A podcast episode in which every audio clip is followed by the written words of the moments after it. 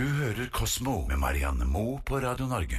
Delfiner har evnen til å oppdage og å bruke de svake elektriske feltene som levende vesener sender ut til å jakte på mat. Bjørnar Kjensli fra forskningen, og dette her gjør vel eh, delfin til eh, kanskje det eneste egentlige pattedyret som vi vet om som har en sånn sans? Det er riktig. Det er det eneste egentlige pattedyr. Det er en litt sånn eh, rar betegnelse, eh, for det er andre l- nesten pattedyr, altså sånn som nebbdyr og sånn, som er, eh, er sånne blandinger, som også har denne sansen. Men ja, dette er eh, den søramerikanske kystdelfinen. Eh, den har altså denne sansen. Så den har noen sånne små mørke flekker på nebbet, eller snuta, nebbet som det heter på delfiner, eh, som da kan sanse elektriske felter. Men hvordan fungerer dette i praksis? Nei, altså det er en Det er en sånn mørk fordypning i, eh, i huden som består av eh, et slags organ som da vi ikke har. eh, hvor cellene da på en eller annen måte klarer å fange opp disse elektriske impulsene. Så da kan, kan delfinen denne delfinen, da, som bor eh, gjerne i sånne elvedeltaer og steder hvor det er mye eh, eh, strøm i vannet og veldig uklart vann, da kan de da se i anførselstegn eh, byttedyr eh, når de eh, svømmer forbi. Nå vet vi fra før at eh, delfiner også bruker ekkolokalisering, altså at de bruker reflekterende lydbølger for å avsløre byttedyrets posisjon. Kolliderer ikke dette her med hverandre, så trenger de virkelig begge evnene? Det ser sånn ut. Ehm, nå tror man også at dette ikke er den eneste delfinen eh, som har denne evnen. Ehm, og, eh, så, så man tror det er flere delfiner som har det. Men, men eh, ja, de bor i områder ofte hvor det er eh, veldig mye gjørme og sand og sånne ting i vannet. Og da, da blir dette nesten som å lukte, eh, sier forskerne. Dette blir en helt sånn essensiell sans som, eh, som de har veldig behov for. Hvordan har de egentlig klart å finne ut at delfiner fungerer på denne måten? Egentlig ved et veldig enkelt eh, forsøk, hvor de hadde to delfiner, eh, og den ene døde. Og så la de merke til disse svarte, eller disse mørke flekkene på nebbet til delfinen. Og så tenkte de eh, Da tester vi det på den andre sånn kystdelfinen som vi har. Og så slapp de den ut i et basseng eh, og dekket til disse feltene på nesa, og, og lot den svømme rundt. Og da var den jo for så vidt blind for elektriske impulser, og så tok de av denne hetta rundt eh, nebbet til delfinen, og da svømte den etter elektriske impulser. Så det er ikke noe stor studie dette her, men viser tydelig at, eh, at den delfinen har en sans som vi ikke visste den hadde. Dette er Kosmo på Radio Norge. Mennesker blir svekket av et opphold i verdensrommet, men sånn er det ikke for alle levende skapninger. Bjørnar Kjensli fra forskningen, og når astronautene fra den internasjonale romstasjonen nylig landet etter 193 dager i vektløs tilstand, så var de både litt shaky på beina og generelt svekket. Men sånn var det ikke med noen av følgesværene deres. Nei, det er en liten eh, orm, en slags uh, ringorm, som, uh, som faktisk fikk, ble litt i bedre form av å ha vært i verdensrommet i nesten 200 dager. Så den, det er et lite mysterium. Nå er det ikke første gang at disse mikroskopiske ormene har blitt sendt på romreise. Hva er grunnen til at man falt ned på nettopp denne arten her til et romopphold?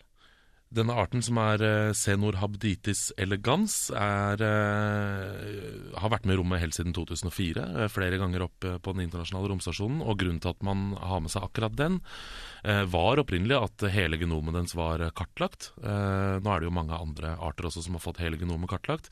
Eh, Men det er også det at mennesker deler ganske mye av genomet sitt med den. Vi deler, eh, vi deler da 55% av genomet vårt med denne lille ormen. Så det, det er mange ting vi kan se, eh, og som da kanskje også kan overføres til mennesket.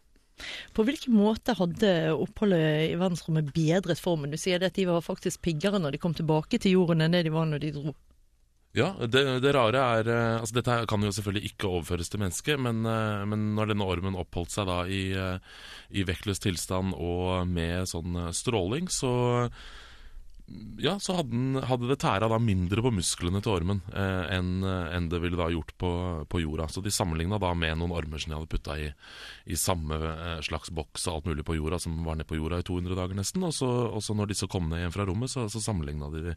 Og da, da så de det. Eh, det kan jo ikke overføres til mennesker, fordi vi bruker veldig mye energi på å liksom holde oss i balanse. Og, og sånn når vi er på jorda, de gjør jo ikke ormer, de ligger jo bare, ligger Ja. bare på bakken, liksom. Vi må Men, stå eh, oppreist. ja, ikke sant? Så det, så det bruker vi ganske mye energi på, så det, det kan ikke overføres. Men, eh, men, eh, men ja, det, det tyder kanskje på at det er ikke alt som blir verre bare når man er i rommet. Men vet vi noe om uh, hvorfor vi mennesker, altså hvis vi bare ser på muskler, hvorfor vi reagerer annerledes enn rundormene? Er det energibruken som er nøkkelen her? Det kan være det. Eh, eh, det kan også være rett og slett, eh, som noen forskere mener, at kroppen vår prøver å tilpasse seg. Og når den prøver å tilpasse seg et liv da, i vektløs tilstand med masse stråling og, og helt andre forhold, så, så, vil det føles uh, skralt når vi kommer tilbake på jorda. fordi da har vi utvikla Eller da, da prioriterer kroppen ned og bruker f.eks. muskler til å holde oss oppe på beina. da. Ja, Så det er rett og slett det som skjer med astronautene når de kommer tilbake til jorden? At muskelmassen deres har blitt påvirket av oppholdet? Ja, det er også et par andre ting. Jeg vet at det noen, har noen effekter på syn og, og, noen andre ting også. Også noe med beinmasse i kroppen og, og litt sånn. Men, eh, men, forskerne mener at det kan være at kroppen da prøver å tilpasse seg. Men jeg har hørt at eh, egentlig så er en romtur nesten som en slags foryngelseskur. Ja, det, og det har med det å gjøre. Det har å gjøre med at det er mange muskler da i kroppen som uh, ikke blir belasta like mye som når vi er uh, på jorda her med ganske kraftig tyngdekraft. Um, så gjør det at musklene da ikke eldes på samme måte, ikke eldes like mye som, uh, som de gjør her på jorda. Så det, det, er jo ganske artig. Men jeg tror ikke akkurat man blir yngre av å dra til verdensrommet, men, men, det er noen deler av kroppen som da får slappe av litt da, i de 200 dagene man er oppe på Dempe aldringsprosessen litt. Ja, nettopp. Hva skjer videre med denne forskningen på, på dette feltet her, for det er jo ganske spennende det de har funnet i disse små ormene? Ja, nei, Nå skal de jo analysere videre da, på, på å sammenligne disse ormene som har vært oppe på, på internasjonal romstasjon, og, eh, og, sammenligne dem med hverandre for å se om det har liksom skjedd noe mer som ikke var så iøynefallende som dette her med, med, musklene. Og så har de også tatt noen prøver av en av astronautene som var der oppe nå sist. Eh, de har tatt av vevsprøve fra fra eh, musklene hans, eh, som de har lagt igjen på jorda. da, eh, Og så skal de da sammenligne det med prøver de tar av han nå når han kommer tilbake fra verdensrommet, for å se om dette her er eh, ligner på det som har skjedd med den lille ormen. Kosmo, natur og vitenskap på Radio Norge. Søndag kveld fra klokken åtte.